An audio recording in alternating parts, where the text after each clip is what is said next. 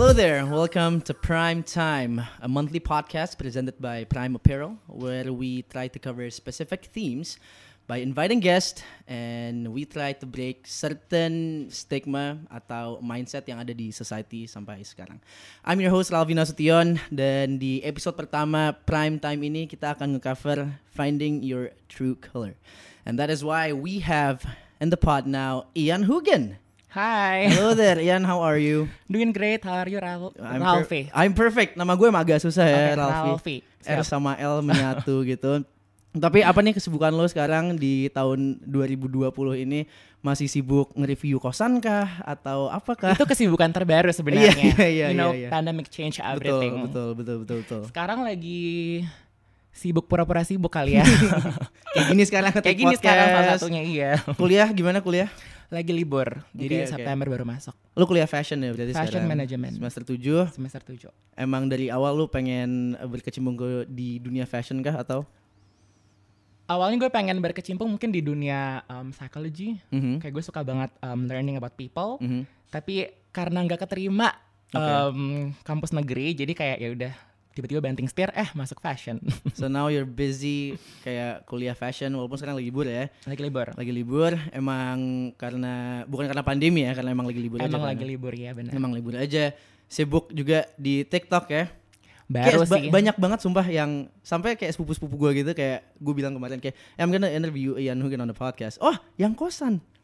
Everyone knows that. It's really good that finally people know me with a different title. Dulu kan oh yang trans, sekarang oh yang kosan. Oke, new title.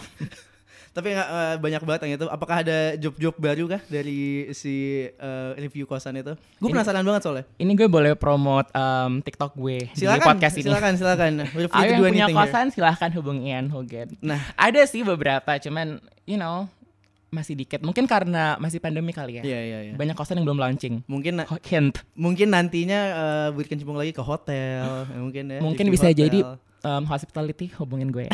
langsung kontak Ian Hugen semuanya. Oke, eh, now we're get- getting into the main topic here. Alright. Eh, Ian, kalau gue bisa nanya lo kayak, who is Ian Hugen? How do you ans- answer that? Um, alright. Langsung deep ya pertanyaan pertamanya. Langsung, langsung, Ian dive in. Hugen gue itu adalah mungkin kalau dari kerjaan dulu I'm a content creator, Mhm, I'm a writer, mhm. and also a trans representative. Alright, alright. That's how I titled myself. Mhm. Terus kalau yang lebih deep lagi, I'm a strong and ambitious trans woman living in Indonesia, Jakarta. Yes. Living in Jakarta, Indonesia. Living in sorry. Jakarta. Born and raised di Makassar, South Sulawesi. Makassar, South Sulawesi. eh, mau ke Makassar.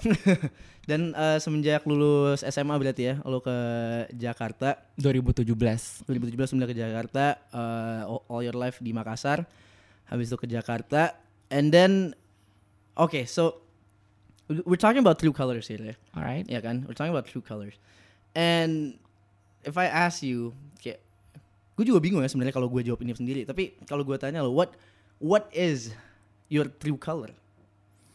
Kayak, how do you explain that? Kayak talking about true colors. Ini tergantung lo mau jawabannya filosofi atau as in warna. Kalau kita ngomongin soal warna, Mhm. I'll pick red as my color. So I'm wearing red right now. Yeah. So this is your true color here. I am wearing your true color. Karena dulu tuh gue pernah, jadi kalau misalnya lo screening Instagram gue yang soal karya, itu Mhm. tuh karya gue rata-rata warna merah. Oke. Karena, um, you know, um, semua warna itu punya filosofinya tersendiri kan. Terus waktu itu gue pernah mempelajari warna merah. Jadi gue tuh kurang lebih satu semester full, berarti Hmm. enam bulanan, gue tuh cuman belajar soal warna merah. Karena that's the color that I pick. Oke. I I grew up hating red so much karena wh- whenever I um, use attire yang warna merah, Mhm. orang tuh pasti kayak lo Chinese ya, lo Chinese ya, you know like Ah. the color really um, represent um, gue sebagai seorang Cina. Iya, iya, iya, iya, iya. Terus um, so I hate red. Mhm. Terus waktu itu gue uh, mempelajari filosofi warna merah. Terus akhirnya tiba-tiba gue jatuh cinta sama warna merah. Oke. Karena um, you know um, red itu represent love Mhm. and passionate. They do. But on the other hand, love is also uh, red is also dangerous. Jadi Why kayak? Red itu kan melambangkan tanda bahaya. Betul. Jadi kayak you know I'm I'm lovely, I'm passionate, but, But I'm also, dangerous. Tapi kalau secara uh, philosophy tadi. Philosophy. My true color itu Mhm. adalah who I am now, Oke. I am a woman. Mhm. And mungkin itu lebih ke true color, lebih ke representing the true identity. Oke. Gue adalah seorang trans woman yang berkecimpung di dunia entertainment Uh-huh. hari ini dan I'm a very ambitious. I know what I'm doing. That's my true identity. That is your true identity ya. Tapi uh, pastinya kan you're so confident now. Uh, you're a, you're so you're a proud trans right now ya kan. Gue gue lihat di mana-mana itu and I'm so happy for that. Tapi kan nggak gampang mungkin ya menjadi diri lo yang sekarang ini. Kayak struggle saya boleh tahu nggak sih kayak kayak your path on finding your true colors gitu loh. Since uh, such an early age ya setelah gue baca-baca juga tentang lo ngeliat interview-interview lo kayak you already know exactly kan sebenarnya. Uh, somewhat lah since an early age. Kayak you I- know that you're different I know that I'm different Mhm. since um, kindergarten. ya TKB ya TKB. Oh my ya god, you do a very good research. gue TKB udah tahu kalau gue tuh um, berbeda, tapi mungkin waktu itu lebih abstrak karena kita kan belum tahu pemahaman soal perbedaan gender dan seksual pada Betul. saat TKB of course. Iya. Tapi lebih ke kenapa ya gue lebih enjoy nonton Sailor Moon daripada nonton Captain Subasa. iya iya You know, lebih abstrak itu pas TKB. pas TKB Kalau kita bilang tadi, um, thank you so much for you seeing me very confident living who I am today. Tapi sebenarnya itu juga um, masih up and down banget. Oke. That's just the case that you see. Castingnya doang, Oke. surface-nya doang. Pastilah, you know, whenever we talk about self-love, I always state that self-love is a lifetime learning process. Jadi sampai lo mati pun sekali, until the last day of your life, lo itu akan selalu struggling dengan itu. And it's fine. We all are human. Kita nggak mungkin bisa berdamai secara 100% sama diri kita. Bener kan? Iya, betul. Mungkin hari ini gue bisa berda mungkin saat itu gue struggling sama permasalahan gender. Aha. Terus akhirnya pas gue udah overcome itu tiba-tiba gue struggling dengan masalah appearance, masalah rambut, masalah hidung. Pasti ada aja hal tentang kita yang kita nggak suka. Cuman yang selalu gue tekankan adalah as long as you try to love yourself, that's more than enough. Try to love yourself that's more than enough ya. try Oke, to always fall in love with yourself. itu dia Karena yang selalu ini harusnya closing statement gue cuman kayak Iya, iya. ya udah gue state aja dari sekarang. Gue selalu bilang no one will ever love and trust you if you cannot love and trust your own self Exactly. first. Gak ada orang yang bisa suka sama lo kalau lo sendiri pun gak bisa suka sama diri lo. ini kayak happiness come, comes from within gitu kan True. Iya kan intinya kayak gitu kan so, don't seek don't go anywhere for the happiness kayak just look inside Indeed. Gak sih Orang selalu nanya gue gimana sih caranya kita menemukan kebahagiaan itu. Mhm. Man, you don't find happiness, you create your own happiness. Ah, oke oke oke oke oke. You create happiness, you don't find happiness. Salam super. Salah super. ya jadi jadi bukan misalnya lu pacaran gitu kan. Lu nggak lu nggak perlu misalnya kayak minta ah lu nggak bisa bikin gue seneng gitu ke pacar lu itu itu agak-agak itu juga ya gimana tuh? That's another chapter. That's another chapter. We'll get into that later. Tapi we're talking about self love dulu sini ya before loving someone else. Iya kan? Iya kan? Jadi kayak be sure to love yourself uh, before you start uh, loving someone else. Self care. Oke, itu Self-care. itu adalah hal yang penting banget. Salah satu bagian penting uh, finding your true color. Betul ya. Dan self love ini menurut lo banyak orang yang salah pengertian tentang self love. Bener banget. Iya kan? Gue gue eh, nonton salah satu interview lo. Kayak I'm happy. I eat, I wanna eat this. I wanna eat that. I'll do Okay. this. I'll do that. It's kind of wrong, isn't it? Itu apa ya bahasanya adalah toxic positivity. Mhm. Kayak em, ya udah karena gue sesayang itu sama diri gue, gue boleh bebas makan apa pun yang gue mau. Gue boleh em, mabuk-mabukan setiap saat, setiap waktu. Ya that's self love, right? Itu menurut gue adalah definisi yang salah karena itu nggak sehat dong. Iya. De- dan dengan memilih pola hidup yang tidak sehat, itu justru lo sedang tidak respect yourself gitu. Tapi gue juga I don't want I don't want people to see me as a health enthusiast now Iya. karena kayak gue juga baru belajar soal itu, soal you know a healthier lifestyle karena I used to live in that I can say wrong definition of self love. You know, gue tuh I'm a sucker for nasi uduk. Kayak gue Iya. suka banget makan nasi uduk dan gue bisa makan nasi uduk tuh pagi, terus malamnya gue makan lagi dan lama-lama tuh gue kayak oke, this is not healthy. Yep. Paginya nasi uduk, malamnya ngamer, kayak you know, Yeah, that yeah. kind of lifestyle. Yes. Kayaknya semua orang yang umur 20-an kita pernah I think I'm um, still living in that right Alright, no problem. Cuman kayak that's a Okay. phase of life and I agree. Cuman maksudnya kayak gue bersyukur gue cepet sadar gitu loh kalau ini salah. Ini adalah definisi self love yang salah. Mhm. So dengan self love itu kayak you should care more about yourself, your Indeed. health, everything about yourself gitu. Everything. Iya, iya. Yang tadi lo bilang self care, self care itu salah satu bentuk dari self love itu sendiri. Yes, yes, yes. Dan menurut lo sekarang nih lo udah udah cukup caring ya dengan diri lo ya? Um, I can say that. Ya. Iya. Bisa ya? Oke, ya bisa sih. Mhm. Tapi mungkin sekarang yang tadi gue bilang lagi, kan ini sebuah pembelajaran seumur hidup. Iya. Mungkin gue udah melewati fase soal kesehatan jasmani di 2020 ini gue sekarang sedang fokus belajar soal kesehatan mental gue Mhm. sebagai um, seorang I can say you know quote unquote public figure Mhm. karena ya susah coy Susah ya? Nggak, nggak segampang yang orang lihat deh. Different ya? Ya. different karena Ada ya different type of pressure gitu mungkin. different type of pressure cause you know I'm bringing the title as a trans woman jadi Mhm. kayak gue nggak bilang yang wanita biological itu nggak susah ya semua pasti punya tantangannya sendiri Iya, sendiri cuman pasti. kayak with, within this title somehow you know because we're living in Indo jadi Mhm. kayak the pressure is heavier The pressure every here in Indo pastinya ya. Iya. Dan gue mau ngomongin itu juga. Uh, you're trans now. Prosesnya lu itu. So that's one of your true color kan? ya Ya kan? And we're here to discuss about that kayak mungkin nggak lu doang sekarang yang lu udah melewati fase itu tapi banyak orang yang struggling juga sekarang mungkin uh, of finding their true color. Uh, maybe itu trans lah atau apa pun itulah uh, banyak yang struggling sekarang juga. So jalan lu tuh path lu dari yang dulu TK itu sampai sekarang bisa menemukan your true color itu gimana sih? menurut gue um, things that rata-rata orang gue nggak bisa bilang orang Indonesia sih Hmm. rata-rata yang kita kita pre-adult or adult hadapin itu sebenarnya bukan kesusahan untuk menemukan true colornya Oke. Tapi kesusahan untuk embracing their true color so that's different ya They know their true color. they know exactly who they are but it's very hard to embrace it Did, did this happen to you? of course Uh-huh. Um, gue tahu gue jadi kan yang tadi kita kita ceritakan yang gue udah tahu gue itu beda dari TKB bahkan Mhm. tapi um, the day when I realized that okay I'm I am not a woman I'm not a I am not a man inside itu tuh Hmm. pas gue SMP kelas 3 Oke. pas pas lo benar-benar kayak baru pertama kali jatuh cinta yang Butterflies. Ya. Sparks fly gitu.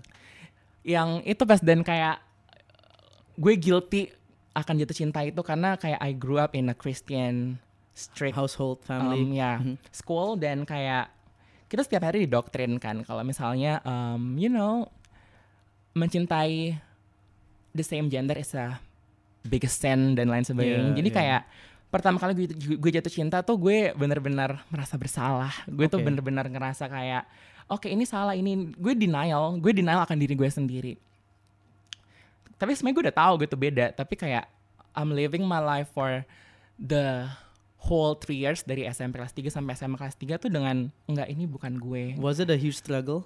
indeed karena lo selama hidup itu lo ngerasa lo itu sakit Oke. dan sebenarnya sampai sekarang pun orang-orang selalu merasa um, trans LGBT itu adalah sebuah penyakit kan? Padahal kayak it's not do research man. It's not a disease gitu loh. Tapi kayak selama tiga tahun itu gue hidup dengan melabel diri gue sebagai orang yang sakit gitu.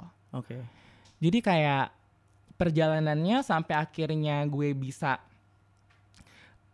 see it not as um, kekurangan tapi justru sebagai bagian dari diri gue itu cukup panjang dan cukup berat dan I can say it's a very dark road because I have no one to Talk guide me. about gitu lu nggak I have a lot of best friends kayak um, sahabat-sahabat gue pas SMA.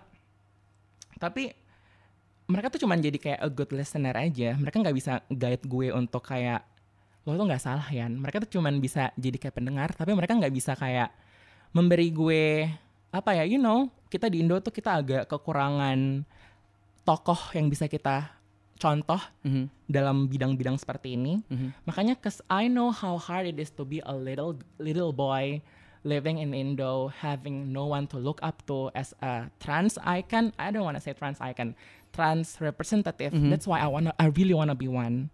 Oke. That's why oke. I'm here today. Yes, Karena kayak exactly. gue tuh justru sering banget ya sekarang kayak di saat semua nggak I, I don't I cannot say semua di saat banyak followers gue udah bisa menerima gue sebagai seorang trans. Bukan cuma followers, brand, bahkan Prime dan kayak uh, Shout out Prime. Oke. banyak udah mulai 2020 ini udah banyak media, udah banyak brand yang udah mulai berani um, ngebahas soal ini Uh-huh. gitu.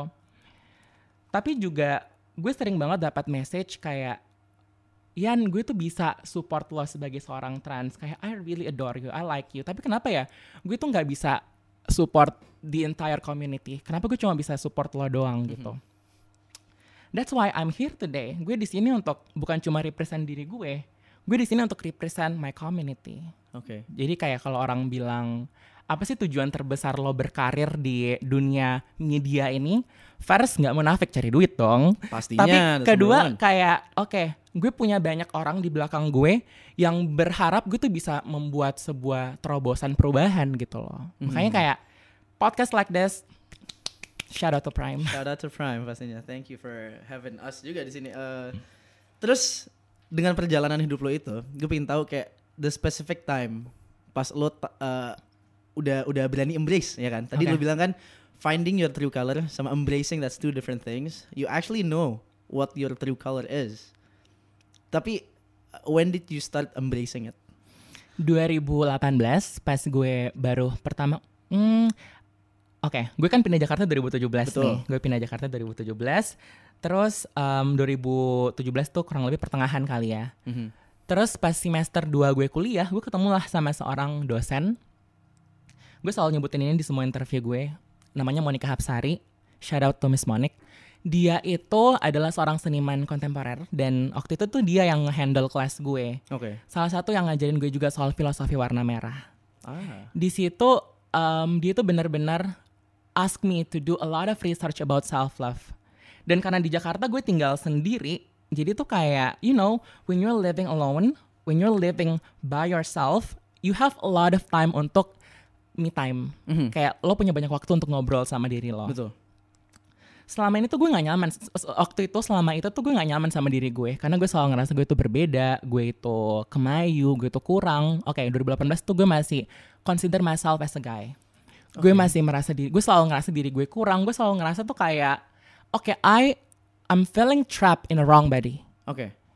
dan di situ tuh mungkin pada saat itu um, lebih soal ekspresif dalam berpakaian karena you know kita kan hidup sekarang di society yang mengkotak-kotakan fashion. Jadi kayak ini tuh buat cowok ini buat cewek. Cowok nggak boleh pakai rok cowok nggak boleh pakai heels dan lain sebagainya. Jadi kayak aduh gue mau banget nih um, gue mau banget lah uh, to live in that kind of life that I really want. Tapi gue selalu merasa ada batasan selalu ada boundaries selalu ada kayak sekatan-sekatan di mana itu adalah norma masyarakat yang gue tidak bisa across. Mhm.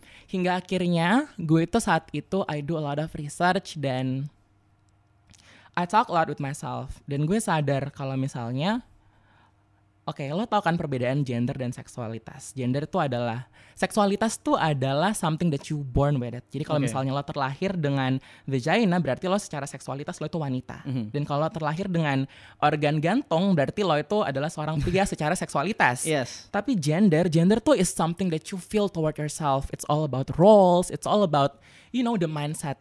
Oke. Jadi pada saat itu, gue belajar banyak tentang itu. Dan gue rasa, oke, the fact that wanita itu harus masak, cuma wanita yang boleh pakai warna pink, wanita itu harus um, keibuan, sedangkan laki-laki itu harus um, yang cowok banget, itu tuh hanyalah sebuah konsep yang diciptakan oleh masyarakat. Mhm. Itu adalah sebuah perspektif yang diciptakan oleh masyarakat, and that's the ruler that we all are living today. Uh-huh. Karena itu adalah sebuah konsep, what if I go out and create my own concept? What if I go out and create my own ruler? Break the barrier gitu ya. True. Akhirnya pada saat itu gue ngerasa kayak oke. all this time gue selalu melihat diri gue yang kemayu ini, gue ngelihat sisi keibuan gue ini dengan pandangan kalau itu adalah sebuah kekurangan. Mhm. But what if I change my perspective? What if I turn the glass, Mhm. turn the table, and see myself itu bukan sebuah kekurangan, itu sebuah keunikan. That's what makes you different. Mhm. Dan gue inget banget waktu kecil tuh gue selalu curhat ke nyokap gue. Jadi sedikit um, cerita lagi. Uh-huh. I was raised in a very liberal and open-minded family. So, Okay. so shout out to Ibu Veronica and Bapak Irfandi Hugen. Shout out to Um, parents. Jadi tuh dari kecil gue selalu wondering Ah. ke nyokap gue sih lebih ke nyokap gue, mam kenapa sih um, aku tuh nggak bisa main sepak bola? Kenapa sih aku tuh nggak bisa main basket? Mhm. Kenapa I enjoy singing, I enjoy dancing, I enjoy drawing more than sports? Apalagi kan pada saat itu mungkin kalau lo um, sadar kayak anak-anak SD tuh kelihatan banget kan pecahannya. Kalau kayak cowok tuh pasti gini, cewek tuh pasti gini. Kenapa gue tuh selalu justru kayak in between bahkan lebih ke cewek gitu. Gue inget banget ini adalah jawaban nyokap gue karena um, Tuhan tuh kan nyokap gue Kristen banget nih. Mhm. Karena Tuhan tuh menciptakan kita tuh berbeda-beda. Kalau semua orang bisa main sepak bola nggak seru dong dunia. Ah, dia bilang gitu. Nyokap gue bilang kayak gitu. Oke. And that's what I'm living until today. Makanya pada saat gue embrace, oke ini bukan sebuah kekurangan, gue itu kemayu, itu tuh keunikan, itu tuh selling point gue. That's my added value, Mhm. and that's what makes me as me. Oke. Dan karena gue selalu dibesarkan dengan mindset it's okay to be different, ya udah, that's what makes me as Ian Hogan today. Family is an important role juga ya Indeed. dalam embracing it. Makanya gue selalu bilang gue tuh bener-bener privilege. Aha. gue bukan privilege karena soal materi, tapi gue privilege karena gue punya keluarga yang bener-bener suportif. When did your like parents know no gitu loh? Wah, itu lebih panjang lagi sih ceritanya. panjang banget. Intinya 2018. Intinya 2018 tiba-tiba uh, you can embrace all of this. Mm-mm. Yang sebelum 2018 tuh masih you know what your true color uh, is, Tapi masih malu untuk embrace. tapi masih malu untuk embrace ya. Sampai lu ketemu uh, dosen lu. dosen gue, Mm-mm. you know when you are entering the right circle, Mhm. kan gue dari Makassar pindah ke Jakarta. Gue nggak bisa bilang Makassar itu bukan the right circle ya. Gue tidak bisa bilang kota itu buruk, tapi mungkin itu bukan kota yang tepat untuk gue bertumbuh. Yes. Oke. Makanya whenever you feel like you are trapped in a wrong community, in a wrong circle, move out and create one new.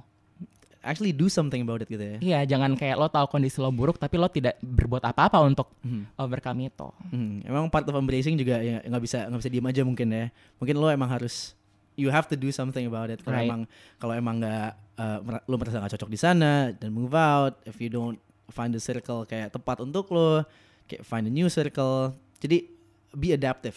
Mungkin itu kata yang tepat atau Be adaptive and you know kalau misalnya emang lo belum temuin yang tepat ya udah lo keep on finding the right keep on? one. Yes, exactly. Tapi uh, tadi ngomongin keluarga lo lagi. So they're always been supportive Always since day one. since day one. Parah sih. Oke oke. oke. Makanya kadang tuh gue selalu ngomong sama media kayak sebenarnya tuh kapan-kapan yang harus diinterview itu bukan gue tahu, Orang tapi mungkin ya. banyak gue iya karena ya, kayak mungkin mungkin. ya. wow Ah, mungkin bulan depan uh, prime time nanti invoice-nya gue yang handle ya. Jadi emang uh, bonyok lo supportive since day one. Bahkan pas such an early age mereka bisa ngomong.